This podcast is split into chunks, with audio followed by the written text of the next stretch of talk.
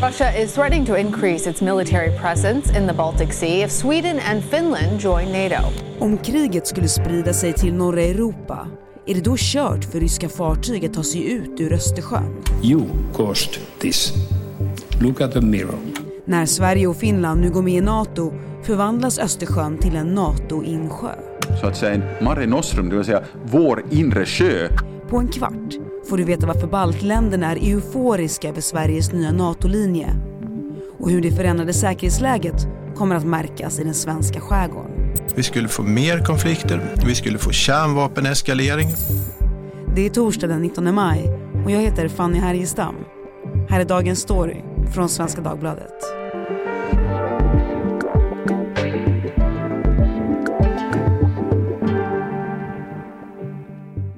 Therese Larsson Hultin, SVDs utrikesanalytiker. Du har just varit i Estland. Mm. Eh, och du var där när beskedet om Sveriges ansökan till NATO kom. Det blev jubel va? Ja, det kan man väl lugnt säga. Som Estlands NATO-ambassadör uttryckte det, när ni ser oss hoppa upp och ner när vi försöker typ lägga band på våra känslor för att dölja vår eufori. Eh, de är enormt, enormt, enormt glada över att Finland och eh, Sverige ska gå med i NATO. It would de- definitely increase our uh, security environment. Och det gäller då alla tre baltstaterna för att de ser det som att det stärker deras säkerhet. Det finns en genuin oro för Ryssland i Baltikum som vi säkert kommer med på. Ja men det kommer vi prata mer om. Men först vill jag veta bara lite mer, varför var du där just nu? Ja men det är varje år en stor säkerhetskonferens som anordnas i Tallinn under en helg i maj. Eh, Lennart Meri-konferensen som då är en ganska liten konferens men som samlar, eh, vad ska man säga, eh, dels då så här presidenter och premiärministrar och utrikesministrar etc. Men så här eliten bland försvars och säkerhetspolitiska experter och tjänstemän och sånt från eh, stora delar av världen. Eh, och då är det föreläsningar och det är liksom panelsamtal bakom stängda dörrar och sådär som är väldigt rolig att vara på, säger jag och ler. Du badar i det där, en dröm för en uh, utrikesanalytiker som skriver om men säkerhetspolitik. Det var, det var fantastiskt roligt. Men det kan vi prata om privat istället. Det gör vi. Men du Therese, men, men faktiskt först bara om, om eh, dina möten där. Du intervjuade ju flera personer runt de här mötena. Mm. Bland annat Estlands premiärminister. Vad berättade hon? Kaja Kallas ja. Eh, nej, men hon var inne som så många andra på vad det här då betyder för Östersjön. Eh, det som är intressant och som påpekas gång på gång under helgen är ju då att, att Östersjön nu ju blir en NATO-insjö. Helt omgiven av eh, NATO-länder. Eh, förutom då en liten, liten, liten bit eh, runt eh, Sankt Petersburg. Eh, regionen där runt längst in i Finska viken och då Kaliningrad som är den här enklaven som ligger mellan Polen och Litauen. Helt omgiven av NATO-länder också. Vilket gör att skulle det bli krig, gud förbjude, mellan då NATO och eh, Ryssland så blir det i praktiken omöjligt för Ryssland att ta sig ut med skepp genom Östersjön. Och vi kommer komma tillbaka till det ännu mer, men eh, först apropå det här med de baltiska länderna och det här med hoppandet, alltså deras väldigt starka glädje. Kan inte du berätta lite mer om just varför just de baltiska länderna är så glada över liksom Finlands och, och Sveriges svängning? Ja, men alltså de är ju då självständiga stater sedan liksom tidigt 90-tal eh, och var ju då ockuperade av Sovjetunionen som man är väldigt tydlig med, som påpekar ständigt att det var en ockupation. Eh, och det man ser nu är ju då att, att man kommer få ännu mera stöd för sin egen säkerhet. För den här ryssrädslan är verkligen påtaglig. Och det här är ju inget nytt, det här är ju någonting som baltländerna har pratat om i, ja sen de blev självständiga. Att Ryssland är en imperialistisk stat, de har stormaktsambitioner, de kommer vilja ha tillbaka oss. Det gäller även som att Polen också pratat om det här. Och det har de gjort till sån grad att omvärlden har ju varit så här, ja nu börjar de igen. Ständigt detta tjat om Ryssland. Since we regained our independence in Latvia 23 years ago, there has been no uh, uh, easy time between Russia and Latvia. We have been under constant uh, pressure. Och nu så hör man, jag vet inte hur få timmar jag hade varit i Tallinn innan jag hörde den första säga att vad var det vi sa? Haha, vad var det vi sa? och det hörde man gång på gång liksom under de, vad var jag, fem, sex dagar jag var där.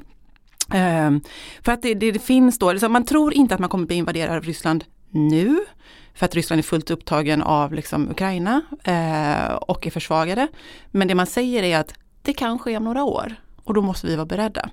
Eh, och det man vill då är ju att få hjälp av Sverige och Finland, liksom att, att stå emot eh, ryssen. För att tittar du på kartan, NATO-kartan utan Sverige och Finland så är Baltikum liksom en landtunga upp. Det är liksom en, en, någon form av halvö som sticker upp ur NATO-land. Eh, vilket gör att det skulle vara ganska, skulle kunna vara svårt att liksom komma till undsättning om det händer något. Medan nu då så menar man på att man kan få hjälp mycket, mycket fortare från, från Finland och Sverige. De är små men härdade. De tre baltiska länderna Estland, Lettland och Litauen har en lång historia av ockupation och hot från Ryssland. Rysslands president Putin vill ha tillbaka Baltikum efter att under århundraden varit en del av det ryska imperiet utropade de sin självständighet 1918 i kölvattnet av den ryska revolutionen. Men inte långt därefter införlivades de i Sovjet, ockuperades under andra världskriget av både Nazityskland och Sovjet om vartannat för att sedan fortsätta under sovjetisk benhård kontroll efter kriget. Men under åren efter Berlinmurens fall kom vändpunkten. 1990 blev Litauen självständigt. Samma sak för Estland och Lettland på sensommaren 1991. Sedan dess har baltländerna vänt sig västerut och strävat efter att bli medlemmar i NATO och EU. Mål som uppnåddes 2004 och som väntat motsattes av Ryssland. Så på vilket sätt förändras säkerhetsläget kan man säga från och med nu i Östersjöområdet? Ja, man kommer ju då på ett helt annat sätt kunna dra upp gemensamma försvarsplaner. Eh, för även om då Sverige och Finland har varit eh, liksom nära partners med, med eh, NATO så har man inte varit delaktig i NATOs planering. Och man har heller inte haft tillgång till all information som NATO har. Och det var också så här sak som, som en, en av eh, Estlands högsta militära chefer som jag pratade med sa eh, att, att ni, ni vet inte allt vi vet. Och de var väldigt glada över att nu kunna dela med sig av den informationen till oss. För att vi gemensamt då ska kunna liksom, eh, ha gemensam front mot Ryssland. Vad kan det vara till exempel? Vet vi det? Ja men det är så här säkerhetsinformation, liksom, eh, underrättelser. Eh, alltså vissa saker utbyter man ju absolut, men inte allt. Och du var ju inne på det här Therese, eh, vad finns det kvar som inte är NATO-mark nu runt Östersjön? Ja men det är då Kaliningrad och så är det Sankt Petersburg. Eh, och det gör ju att framför allt då Kaliningrad blir ju helt isolerat om det skulle liksom, bli krig. Eh, vilket ju, det, det går ju Alltså, om det blir krig så kommer man inte kunna undsätta liksom Kaliningrad sjövägen med största sannolikhet. Eh, utan, utan, då kan man ju bara nå, eller Ryssland då nå liksom via luften. Eh, eller så får man liksom ta sig igenom då det som kallas för Suvalki-korridoren. Som är den landsträcka som, som går på NATO-mark, alltså genom Litauen och Polen eh, till Belarus. Så det är ju en väldigt känslig läge för Ryssland och det här är ju ingenting som man ser med blida ögon på. Utan man kommer ju just därför att börja liksom redan nu, eller kanske inte mitt under brinnande krig, men snart i alla fall, att, liksom att, att rusta upp Kaliningrad ännu mer skulle jag säga. Eh, och då ska man veta att det här var redan den mest militariserade regionen i Europa innan kriget. Jag tänkte just fråga dig, vad är Kaliningrad för plats idag? Ja men det, det, är ju liksom en, en, en liten ryskt ö då i mitt emellan två NATO-länder eh, som har stora mängder eh, till exempel sådana här Iskander-robotar, sådana här kortdistansrobotar som man kan kärnvapenbestycka. De har, hade åtminstone innan kriget i Ukraina, så jag såg en intervju med den eh, litauiska presidenten som sa, som är då ett grannland, som sa att det fanns 25 000 ryska soldater stationerade där innan kriget. Um, så att det är ju liksom en, en, en ganska fattig del. Uh, jag har tyvärr inte varit där själv men de som varit där beskriver liksom att det är så stora hål i, jag har sett bilder på bilar som kör på trottoaren för att vägarna är så stora Mhm. hål i. Uh, Och stark militär närvaro då? ja.